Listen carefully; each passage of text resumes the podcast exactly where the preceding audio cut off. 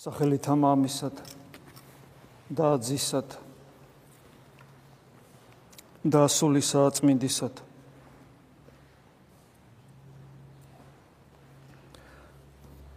დღეს ფერისოლების დღესასწაულია და ამ დღესასწაულთან დაკავშირებით ბევრი გვისაუბრია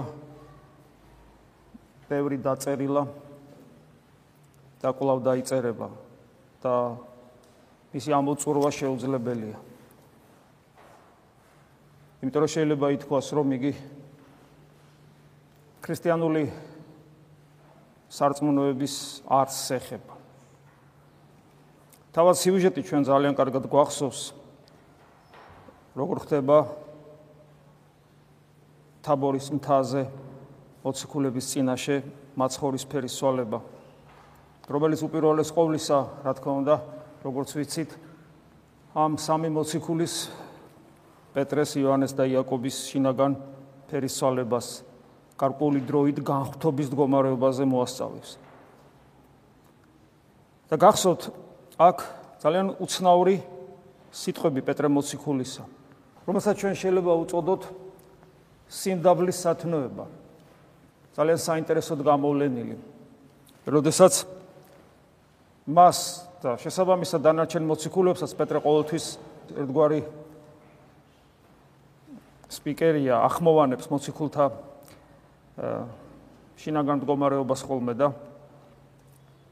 აქ ჩანს პეტრეს აბსოლუტური თავდავიწყება. როდესაც უფლის სიტყვები გვახსენდება, აი რაღაცნაირად პეტრე მოციქულის ეს მდგომარეობა, რომელიც სიტყვაში გახმოვანდა, ძალიან გავს ამას, რომ ვინც არ უარყოს ყოველივე დედა, мама, ცოლი, შვილი, ყველაფერი ამ ქვეყნიური ქონება ბოლოს საკუთარი თავი და არ შემომიდგეს მეგი არ არის ჩემი ღირსი. აბსოლუტური უარყოფა საკუთარი თავისა და პეტრესთან ეს ჩანს, მას სული თავდავიწყება აქვს. მას არაფერი არ ახსოვს. აბსოლუტურად არაფერი არ ახსოვს. და ჩვენ შეგვიძლია ჩამოთვალოთ რამდენი რამე შეიძლება ხსომებოდა, მაგრამ ეხლა ამას არ გავაკეთებთ, ეს თქვენ ძალიან კარგად უწყით. ერთი რამე უნდა ხოლოთ რომ აი ამ დიდებულებაში იმყოფებოდეს უცქიროს ფაქტობრივად ღმერთს ხედავდეს მის ღვთაებრივ ენერგიებში. ეს ძალიან მნიშვნელოვანია, იმიტომ რომ ჩვენ სულიერ ცხოვრებას ისე გავდივართ. ისე ვბერდებით ქრისტიანობაში და ისე ვასრულებთ ამ ქვეყნიურ ცხოვრებას, რომ ვერადა ვერ მივხვდით იმას, რა არის გასაღები სულიერი ცხოვრებისა, რომ ეს არის სიმდაბლე. პეტრე მოციქული დანარჩენ იმ ორ მოციქულთან ერთად იმ დროს, როცა ისინი საფრთხო ენერგიებში ხედავენ ღმერთს, ისინი განხთობილ მდგომარეობაში არიან. ეს არის სასუფეველი. ღვთის ხილვა აი არის სასუფეველი. ეს არის ღვთის შემეცნება იგივე. როგორც ხშირად გვითხოვს გრიგოლ პალამას სიტყვები, იქ რომ ცხოველი მდგარიყო, ვერანაირ ნათელს ვერ დაინახავდა.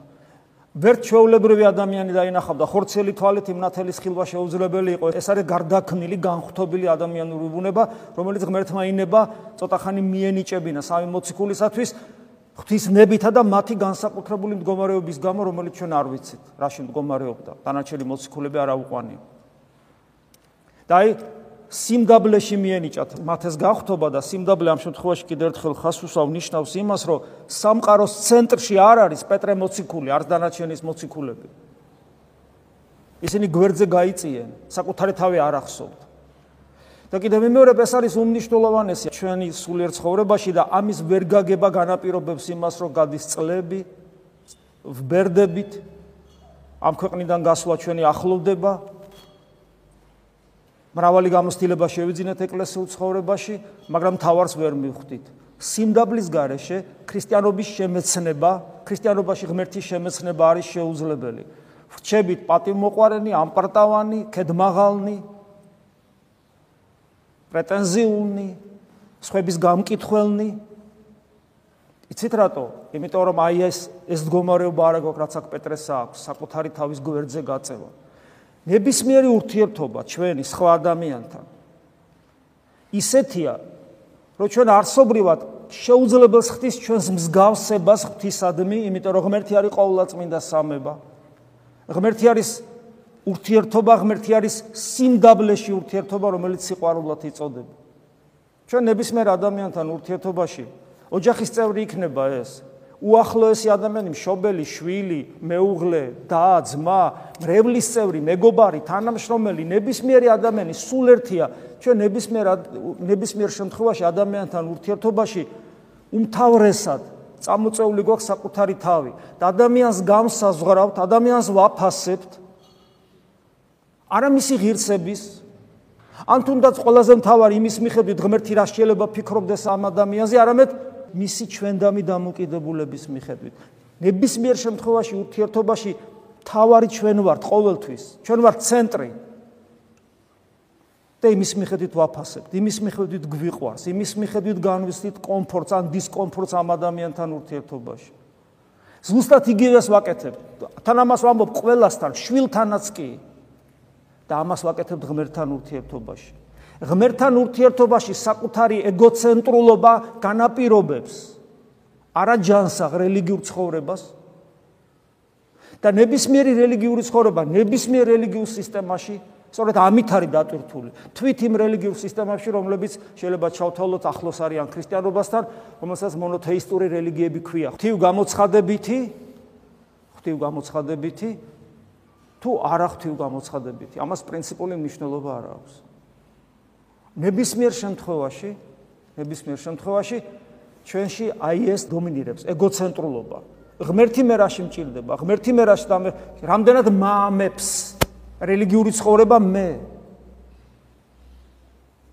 ხოლო ქრისტიანობის წიაღში თავი რომ მოგვაქვს რომ ჩვენ ჭეშმარიტების წიაღში ვიმყოფებით ქრისტიანობის წიაღში ადამიანს ყოველთვის გაფუჭება შეუძლია იგივეს ვაკეთებ შესაბამისად არ განსხვავდებით სხვა მონოთეისტური რელიგიებისგან არ განსხვავდებით ქრისტიანობის სიახში როგორც კი ჩვენ აი ამგვარ მდგომარეობაში ვიმყოფებით იმ წამსვე იბადება რელიგიური ფანატიზმი რომელიც უფრო საშიშია ვიდრე ამასოფლის სული. ჩვენ ხო ვიცით რომ ამასოფლის სული რა საშიშია? მისი სიყვარული უმტრობაა ღვთისა. ჩვენ ხო ვიცით ეს?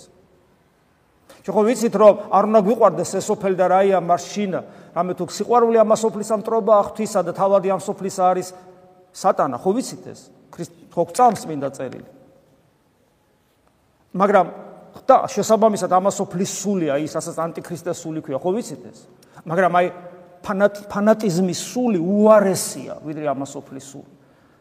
ყოველ შემთხვევაში ჩემი ამ სიტყვების დასტურად მე მოვიყვან იონეს სახარებიდან ამონარიც. როდესაც წავიკითხავ ვითარცა იხილეს ვითარცა იხილეს ქრისტე მოგდელ მოძღვართა მათ და მსახურთა ანუ ფარისევლებმა. ღაღატყვეს და თქვეს ჯვარსაცუ ჯვარსაცუ ეგე. ესენი არიან რელიგიური ფანატიკოსები. სწორი სარწმუნოება აქვთ. პროფესორი სწორ სწორ რელიგიურ წიაღში არიან, სწორ რელიგიურ დოქტრინაში იმყოფებიან, რომელთაც მათ ქრისტე უნდა ეცნოთ. მაგრამ ფანატიზმი, ფარისევლობა, რასაც ქვია ფარისევლობა დღეს უკვე ტექნიკური ტერმინად იქცა და ფანატიზმს ნიშნავს.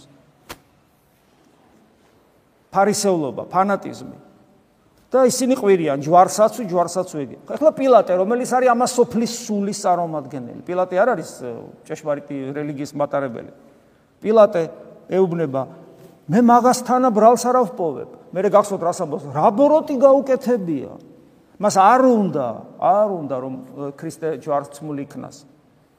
და გახსოვთ ისე უკლავ ფარისევლების ყვირილი. არა გვივის ჩვენ, მე თქვენი მეუფე მოვკლაო და არა გვივის ჩვენ, არ ყვავს ჩვენ სხვა მეუფე გარდა კეისრის. აი აქ ძალიან კარგად ჩანს, რომ ამასოფლის სულზე უარესი არის ფანატიზმი და ფანატიზმი ფანატიზმი წარმოიშობა რელიგიურ ცხოვრებაში მაშინ, როდესაც ეგოცენტრულობა არის სახეზე. მე ვარ სამყაროს ცენტრი. მე, არა ღმერთი, არა მოყვასი.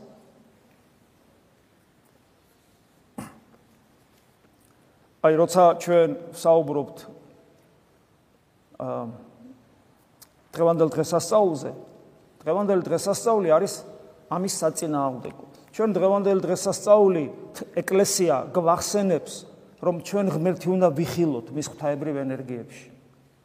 ეს არის შეიძლება ითქვას მართმადიდებლობის ეს ხო ვამბობთ რომ მართმადიდებლები ვართ მართმადიდებლები ვართ ეს არის ერთადერთი ჭეშმარიტება რატომ არის ერთადერთი ჭეშმარიტება? კატეხიზმო რო ვიცით უკეთ ვიდრე სხვებმა თუ რატომ? რისთვის არ? როგორ არის ეს ერთადერთი ჭეშმარიტება? მხოლოდ ერთი რამით, ჩვენ ღმერთი უნდა ვიხილოთ მის ღვთაებრივ ენერგიებში.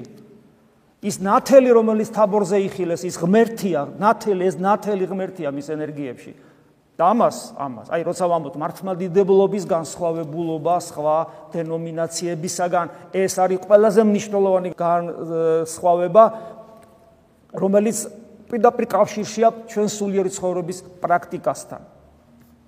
ეს არის ძალიან მნიშვნელოვანი. და იმისათვის რომ ჩვენ ეს შევძლოთ ჩვენ ჩვენი თავი გვერდზე უნდა გადავდგათ გადავდგათ გვერდზე. და პრაქტიკაში პრაქტიკულ სულიერ ცხოვრებას ჩვენთვის თაბორი ისე როგორც იერუსალემი სად არის? ჩვენთვის პრაქტიკაში თაბორი ჩვენ შიგნით არის არსად სხვაგან არ არის. ჩვენ თაბორის თაზე კი არ უნდა ავიდეთ ეს დღევანდელი სიუჟეტი ჩვენში როგორ უნდა გაცოცხლდეს? აი ასე რომ ჩვენშია ეს ეს თაბორის და ჩვენ უნდა ავიდეთ ქრისტესთან ერთად და ჩვენ უნდა გავწიოთ გვერდზე საკუთარი თავი რომ ვიხილოთ ღმერთი მის ღვთაებრივ ენერგიაში. სხვანაირად ჩვენი განღმრთობა სანამ ჩვენი ეგოცენტრულობა სახეზია სხვანაირად ჩვენი განხთობა არის გამორიცხული და ჩვენ ვთამაშობთ ქრისტიანობას. ის რომ ის რომ დღევანდელი დღესასწაული ჩვენ შიდა ცხოვრებაზე მიანიშნებს და არა უბრალოდ რაღაც ისტორიულ სიუჟეტს და ვიხსენებთ და ფაქტს.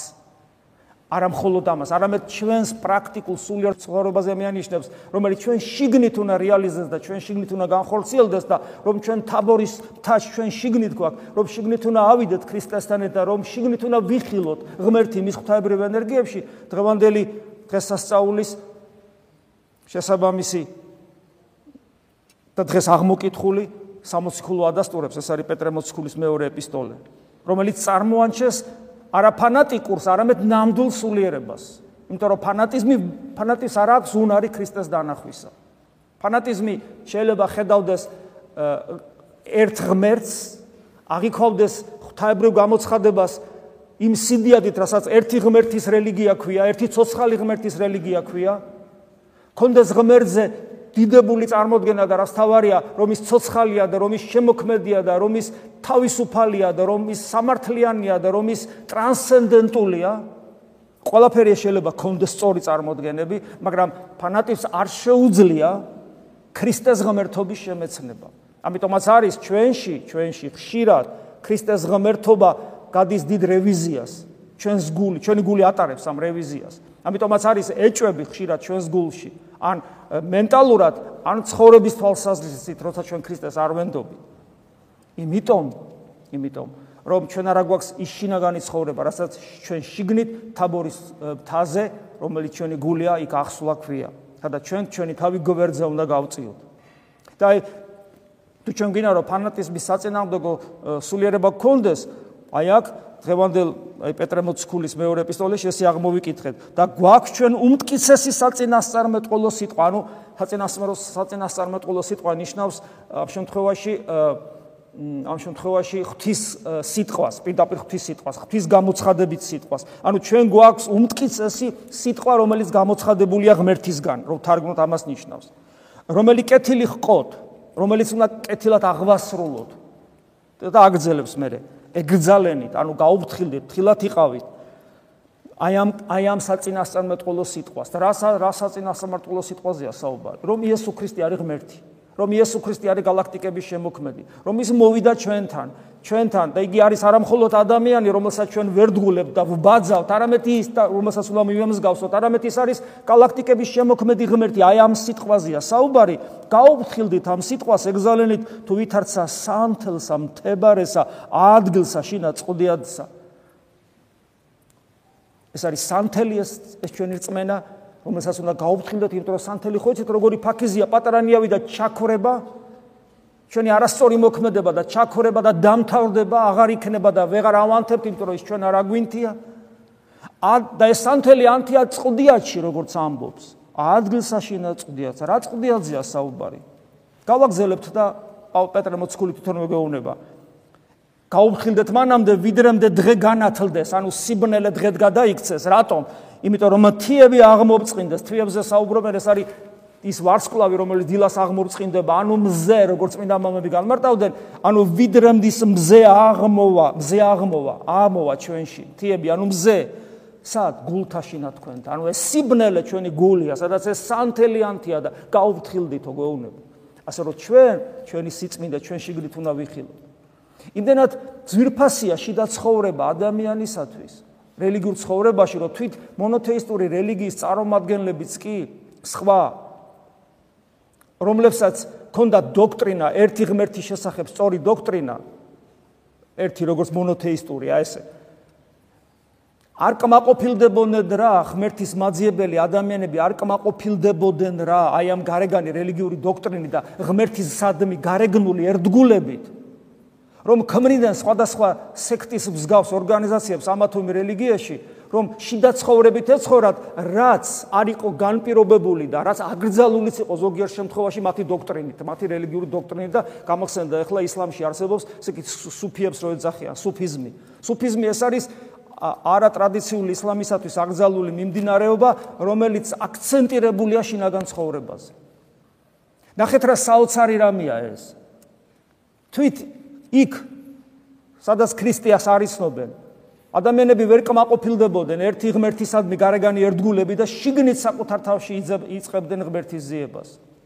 და ამიტომ ერთ-ერთი ღვთისმოწყალე მოსწრებულად ამბობს, რომ იქ განსაკუთრებული ადამიანები ხდებიანო სუფიებიო და ჩვენთვისო ქრისტიანებისთვისო ესო ვალდებულება არ სუფი სუფი სუფი ამ შემთხვევაში როგორც ტექნიკური ტერმინი და არა როგორც თქვა ისლამის აღსარებლობა. არამედ ამ შემთხვევაში როგორც ტექნიკური ტერმინი ჩვენთვის ვალდებულება სხვანაირი ქრისტიანობა არ არსებობს.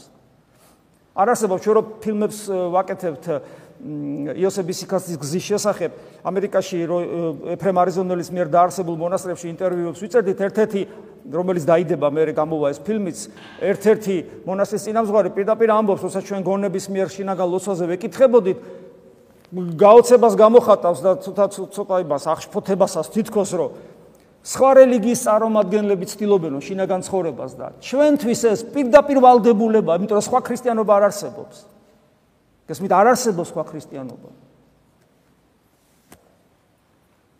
ნამდვილი სულიერება თუ აქვს ადამიანს, ანუ ნამდვილი სულიერი ცხოვრება, უბრალოდ, ანუ შინაგანი სულიერი ცხოვრება, აუცილებლად მას ექნება ნიშნები მეტანოიასი, ანუ ფერისვალების. იმიტომ რომ ქრისტეს დანახვა როგორც ღმერთისა, ქრისტე უნდა დავინახოთ როგორც ღმერთი, არ არის საკმარისი მას უერთგულოთ მხოლოდ სოციუმში, არამედ ის უნდა დავინახოთ როგორც ღმერთი და ის უნდა ვეძებოთ ჩვენს თავში, სადაც სანთელი უკვე ანთია, იმიტომ რომ ჩვენ გვწამს ქრისტეს ღმერთობისა.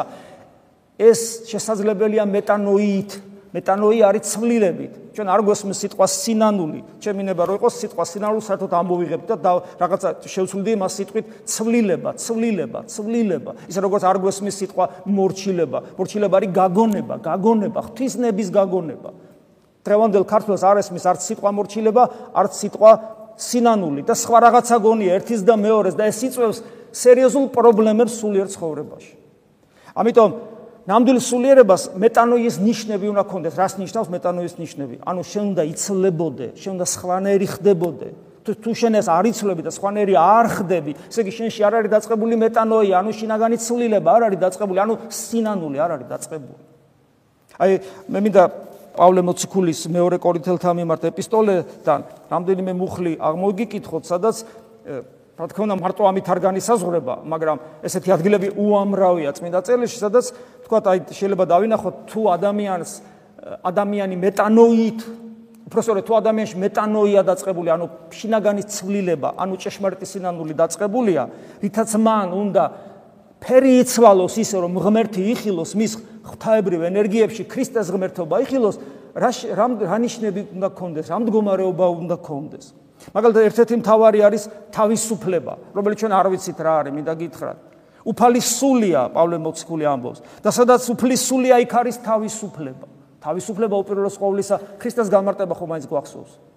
თავისუფლება უპირველეს ყოვლისა ცოდვისგან, ვნებებისგან, რომელთა შორის უპირატესი არის ეგოიზმი, ეგოცენტრულობა. არ იქნები ამისგან თავისუფალი. ესე იგი შენ ვერ შეიმეცნებ, შენში არ დაწყებულა მეტანოია, შენ ვერ შეიმეცნებ ქრისტეს როგორც ღმერთს.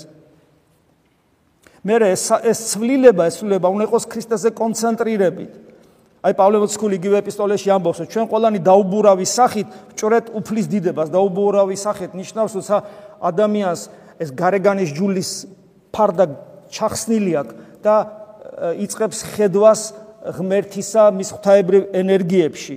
და ასე დროს ასე დროს ადამიანი იწებს ქრისტეს ხედვას მის რომ ის ღმერთია და გარდავისახებით იმავე ხატად, ანუ ქრისტეს ხატად, ქრისტეს ხატად გარდავისახებით ოღონ ეს არ არის ერთჯერადი აქტი. ნახეთ როგორ ამბობს ქრისტეს ხატად გარდავისახებით, დიდებიდან დიდებაში, ანუ დინამიკას მიჩვენებს. ანუ ეს არის პროცესი, რომელიც არასოდეს დასრულდება არც ამ სოფელში, არც მარადისობაში. ეს არის მარადიული ზრდა ქრისტეს მიმართულებით. როცა ადამიანს ეს პრობლემა, როცა ადამიანი ასე არ არის, მაშინ მას აქვს პრობლემა და ეს პრობლემა არის ის, რომ ის сахарებას ვერ იგებს. რომ ვერ იგებს сахарებას ერთ-ერთი ნიშანი ისაა რომ сахарებას კითხულობს და ეზარება და აღარ კითხულობს.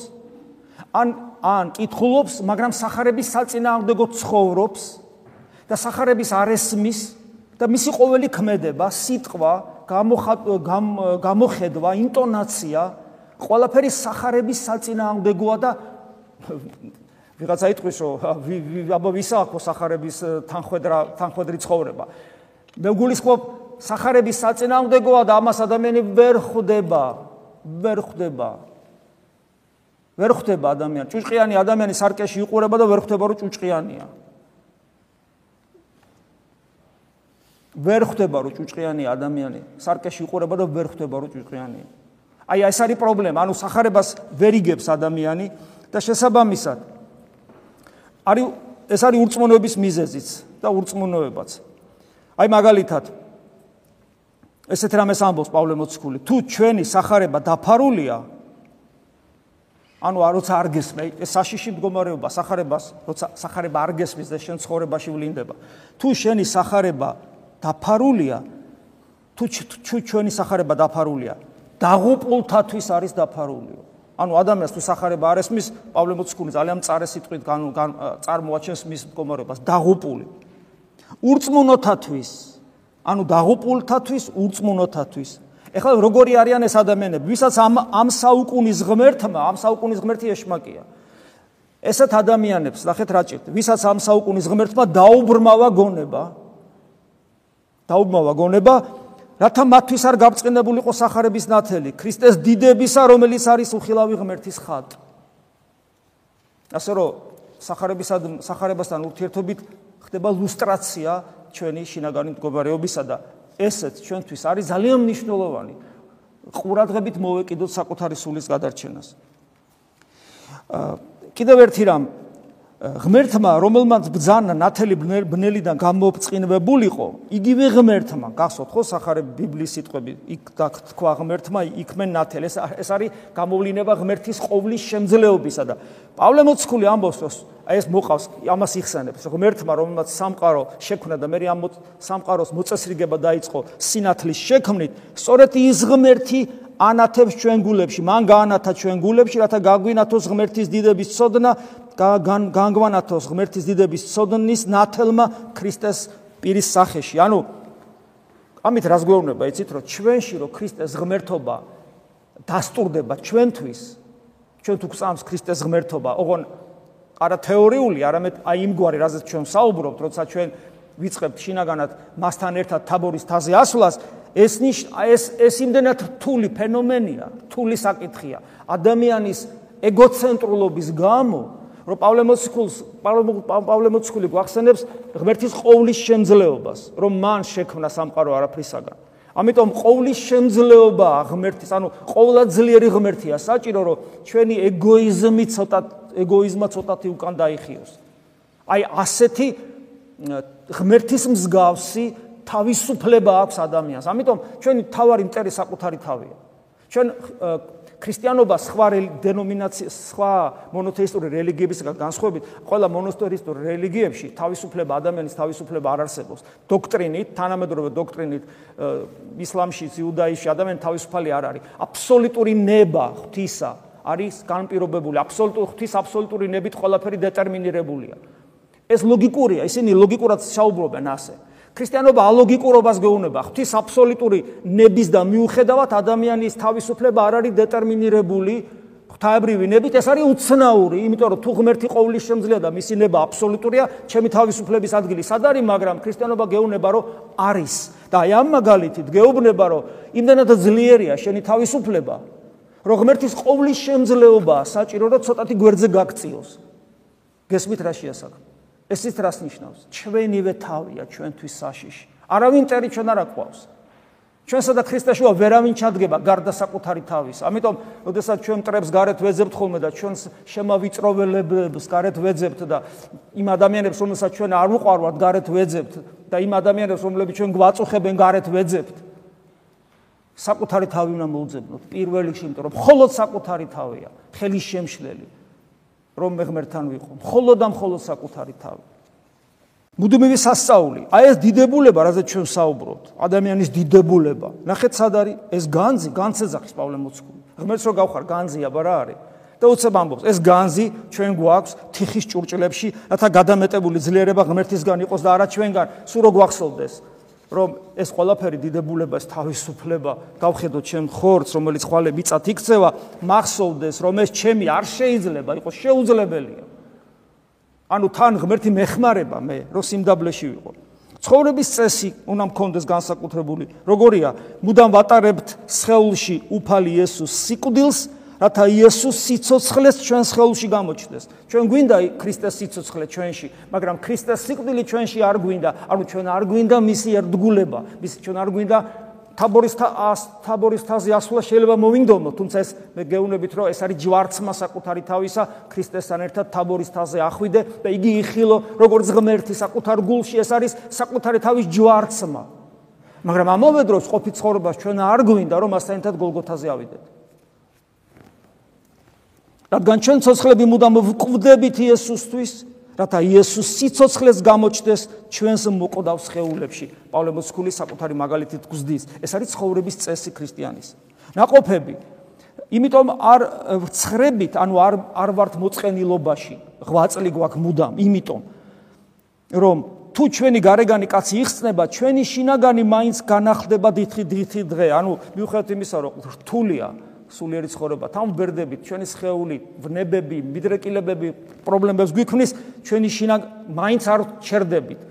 მიუხედავად იმისა, რომ თითქოს ناقობს ვერ ვიღებ, არ ჩერდები, არ ჩერდები და ჩემი შინაგანი ბუნება შეიძლება ჩემგან ფარულად დღითი დღე განახლდება. ანუ ناقოფი სწორესულიერი ცხოვრება ეს არის დაუღალო დაუღალავი ღვაწლი, როცა ადამიანი არ ჩერდება. მიუხედავად იმისა, რომ აშკარა ناقოფებს ვერ წყვეტს, იმიტომ რომ ეს დაცემული ხწნადიბუნება გვაქვს. მოტივაცია რადგან ჩვენი მსუბუქი და ხანმოკლე ტანჯვა, იმიტომ რომ ადამიანი ცოტა ხანი ცხოვრობს, დიდ და გარდამეტებულ საუკუნო დიდებას გვიმზადებს. ჩვენი ცოტა ტანჯვა, პატარა ტანჯვა დიდ დიდებას, საუკუნო დიდებას გვიმზადებს. რადგან ჩვენ ვუმზერთ, ანუ ვუყურებთ. რადგან ჩვენ ვუმზერთ არა ხილულს, არამედ უხილავს, ჩვენს გულში დავამატებდი, რადგან ხილული დროებითია, ხოლო უხილავი კი საუკუნო, რადგან ვიცით, რომ ეს ჩვენი მიწიერი სახლი, ეს ანუ ხსხეულზე ამბობს, ეს კარავი დაინგრევა. მაგრამ ღმერთისგან გვაქვს შენობა ხელთუქმნელი საუკუნო სახლით სათაშინა. ამიტომაც ველტვილ და ვნატრობთ ჩვენ ზეციური საცხოვრებელით შემოსვას, რომელიც არის იგივე ქრისტეს შემოსილობა, ანუ ჩვენი мотиваცია. ეს არის მარადიული სიცოცხლე ღმერთთან. ქრისტეს შემოსილობა არის ჩვენი мотиваცია და ჩვენ მუდამ ხედავთ ყოველდღურად, ცდილობთ უყუროთ, არა ხილულს, არამედ უხილავს. ეს არის შინაგანი ცხოვრება. 8 წელი სწორედ ამისთვის შექმნა ჩვენ ღმერთმა. ამიტომ ყოველთვის ამისთვის, რაზეც ჩვენ ვსაუბრობთ, ამიტომ ყოველთვის მხნედ ვართ. თუმცა ვიცით რომ სანამ დამკვიდრებული ვართ სხეულში განშორებული ვართ უფლისაგან. რადგან რწმენი დავდივარ და არა ხილვით. აი ეგ არის ღვაწლის აუცილებლობა. სხეულში ყოფნის შემთხვევა რადგან სხეულში ვართ ყველა შემთხვევაში განშორებული ვართ უფლისაგან. ყველა შემთხვევაში პრობლემა გვაქვს სულიერ ცხოვრებაში ამიტომ ვერ ხედავთ მაგრამ წამს. და ეს წმენა არის ცოცხალი და იმდანაც ცოცხალია რომ ხნედ ვართ ეს არის ღვაწლის აუცილებლობა ამ სიტყვებით გამოცემული მოწამეობრივი სული. ხნედ ვართ და გვირჩევნია სხეულს გავშორდეთ ანუ სიკვდილზე ზათ არის პავლე მოციქული და უფალთან დავსახლდეთ. ამიტომ ცდილობთ კიდევაც სხეულში დასახლებულნი თუ სხეულს გარეთ მყოფნი მისთვის სასურველნი ვიყოთ. ანუ მოწამეობრივი სული რას ნიშნავს რომ ცოცხალი ვარ თუ მკვდარი ვარ ასაკში ვარ თუ მოხუცი ვარ. რამ არა აქვს მნიშვნელობა არაფერს მე მისთვის სასურველი სათნო ანუ სათნო ცხოვრებით ვიცხოვრო ანუ ყველგან ვამოწმო. აი წმინდა იყავს სახელი შენი მამაო ჩვენოში ჩემი ცხოვრების წესით უნდა ვლინდებოდეს, რომ ის იესო ქრისტე ღმერთია, ჩემი ცხოვრების წესით უნდა ვლინდებოდეს, რომ მე ღმერთის შვილი ვარ. ოღონ არა ისე, რომ ღმერთის შვილი ვარ, ვამბობდე, ცხოვრების წესით უნდა ვლინდებოდეს. ჩვენ ხშირად ვამბობთ ამას, თუნდაც მამაო ჩვენოში, მაგრამ ჩვენ ასეთები არა ვართ. პასუხისგებლობა. რადგან ჩვენ ყველანი უნდა გამოვცხადდეთ ქრისტეს სამსჯავროს ტახტის წინაშე. რათა თითოეულმა მიიღოს იმის მიხედვით, რაც რასაც აკეთებდა სხეულში ყოფნისას, კეთილს თუ ცუდს. პასუხისგებლობა. ყველანი უნდა გამოვცხადეთ. არავინ არ დავჩებით ისე. ჩვენ გვაქვს ეს პასუხისგებლობა, ეს valdebuleba, ეს გამოსთა ჩასაბარებელი. რაც შეეხება კეთილი და ცუდი, ჩვენ არ გვეგონოსო ჩვენ ეს ვიცით რა არის. თორე შეიძლება ადამიანმა იმუ გაჰა კეთილს ვაკეთებდე, ხომ ხო კეთილს ვაკეთებ? არა. კეთილს და ცუდ ჩვენ ვზომავთ საკუთარი სიმართლით, საკუთარი სიმართლე დამღუპელია. ჩვენ პირიქით ვითხოვთ ღმერთისაგან რომ მან ესე იგი გვასწავლოს საკუთარი სიმართლე. იმიტომ რომ საკუთარი სიმართლე საკუთარი ნებით ცხოვრებას ნიშნავს ჩვენ მუდამ საკუთარი ნებით ცხოვრობ. ღმერთი არათუ ზალას არ გვატანს. უბრალოდ ღმერთი არათუ არ ზალადობს ჩვენზე. არამედ ჩვენ აქეთ უნდა ვევედროთ ღმერთს, რომ როგორმე მოიღოს წყალობა და საკუთარი ნებით გვაცხოვროს. ამიტომ არის მამაოჩონოში იყავ ნებაშენი, იყავ ნებაშენი, იყავ აღარ მინდა ჩემი ნებით ცხოვრება. აქეთ უნდა ვევედრებოდეთ. და ჩვენ გონია რომ ვიღაცა ზალას გვატას, არავინ ზალას არ გვატას, არავინ. როგორც გინდა ეგრე იცხოვრე, შენ უნდა მიხვდე, მიხვდე ამას, რომ ღვთისნებაა გადამრჩენელი. და მხოლოდ მაშინ მიხვდები, როცა ღვთისნები დაიწყებს ცხოვრებას, რა არის კეთილი და რა არის ცუდი. თუმცა сахарებაში ეს ბევრ ადგილას ნაჩვენებია, მაგრამ сахарება თეორიად დარჩება თუ ჩვენ შეესა ყველაფერი არ გაცოცხლდა. ვალდებულება ის ყოველთვის მოკვდა ქრისტეზეა საუბარი, რათა ცოცხლემა თავისთვის კი აღარ იცოცხლონ. აი აქაც ნახეთ, ჩვენი ეგოცენტრულობა გაწეული, ეგო გაწეული. ქრისტე მოკვდა ჩვენთვის, რადგან ცოცხლე მანუ ჩვენ საკუთარი თავისთვის კი აღარ ვიცოცხლოთ, არამედ იმისთვის, ვინც მათთვის მოკვდა და აღდგა. ანუ ქრისტესთვის სიცოცხლეზეა საუბარი. და ქრისტესათვის სიცოცხლე ეს არის ნამდვილი სიცოცხლე, იმიტომ რომ სხვა სიცოცხლე სინამდვილეში არ არსებობს. ქრისტეს გარეშე სიცოცხლე არის ილუზია. აი რა ინდუისტები ამბობენ, მაია, ისინი კი არ ტყუიან პრინციპში. ამ იმიტომ რომ ისინი სოცხალ ღმერთს არ იცნობენ, ღმერთთან კავშირი არ აქვს და შესაბამისად ამბობენ, ყველაფერი ილუზია და მართლაც ილუზია. ხოლო ჩვენ რომელმაც რომლებმაც ვიცით იესო ქრისტე, რომ ღმერთია, ჩვენ როგორც ერთი ღვთისმოწყალე ამბობს, ქრისტიანებიო, ფეხით მიწასეხებიანო და თავით ზეცაში არიან უკვეო. და ეს ეს პავლე მოციქულის სიტყვებიდან გამომდინარეა, ჩვენ შესაბამისად შესაბამისად ჩვენ უნდა ესე იგი ვიცხოვროთ ქრისტესათვის, იმიტომ რომ ქრისტე არის სიცოცხლე და სხვა სიცოცხლე არ არსებობს. ფერისცვალების ناყოფი. ამრიგად, ვინც ქრისტეშია, ის ახალი ქმნილებაა. ძველი გადავიდა, აჰა, ყოველივე ახალია. რასაც ხშირად გეუბნებით. სულიერ ცხოვრებაში ადამიანი უკეთესი არ ხდება. სულიერ ცხოვრებაში ადამიანი, ძველი ადამიანი არ უმჯობესდება. სულიერ ცხოვრებაში ადამიანი კვდება და ახალი ადამიანი იბადება იმ ადამიანის ადგილას. ეს თუ არ გავაცნობიერე და ეს თუ ჩვენ ცხოვრებაში არ დაიწყო და ჩვენი ნების garaში, ჩვენი არჩევანის garaში ეს არ დაიწყება არასოდეს. მაშინ ჯერ ჩვენ ქრისტიანები არა ვარ და ჩვენი ფერისვალება არ დაწყებულა. და შესაბამისად აი ამის ყველაფრის ბოლოს მე მინდა მისიონერობა როგორც ناقოფი ფერისცვალებისა, სწორასულიერი ცხოვრების ერთ-ერთი ناقოფი არის მისიონერობა. ამგვარად ჩვენ ქრისტეს მაცნები ვართ და თავად ღმერთი შეგაგონებთ ჩვენი მეშვეობით, ქრისტეს სახელით გევედრებით. პავლე მოციქული გვეუბნება. მისიონერობაც არის სწორედ საკუთარი მეზგვერდზე გაწევა. პავლე მოციქულს ესა ყველაზე განსაცვიფრებლად, აი არავის ესე არ გამოუთქვავს მისიონერობის მისიონერობა როგორც სიმდაბლის აპოგია როგორც პავლე მოციქულს. მისიონერობა როგორც სიმდაბლის აპოგია. აი რა ხეთ პავლე მოციქული რას ამბობს? მე მირჩევნია წარწმდე ოღონ ჩემი ხორციელი ნათესავები ანუ ისრაელიერი გადარჩეს. ესე იგი იმდენად იმდენად ძვირფასია მისთვის მისიონერობა იმდენად ძვირფასია რომ ღმერთის სახელი იდიდებოდეს ისრაელში მთელ ისრაელში რომ ზაქარი თავის თავი რო დაღუპოს გესმით? სული თავგანწირვა სული უარყოფა. აი ეს სული გვაკლია ჩვენ. ფერისვალება თელი ჩვენი სულიერი ცხოვრების თამდევი ფენომენი უნდა იყოს. იგი არასოდეს არ უნდა გაჩერდეს და მუდამ მუდამ მუდამ უნდა მიედინებოდეს ჩვენში როგორც ჩვენი ახალი არსებად გარდამქცეველი როცა ჩვენ მართლა მივემსგავსებით კანკაცებულ ღმერთს იესო ქრისტეს მართლა ზეციური მამის შვილები ვიქნებით და ჭეშმარიტად ზეცის მოქალაქენი. ნათელი ამას ოფლისა და მარილი ამას ოფლისა. ამინ. მადლი ოფლისა ჩვენისა იესო ქრისტესი და სიყვარული ღვთისა და მამისა და ზიარება სული საწმინდისა იყოს თქვენ ყოველთა თანა. ამინ.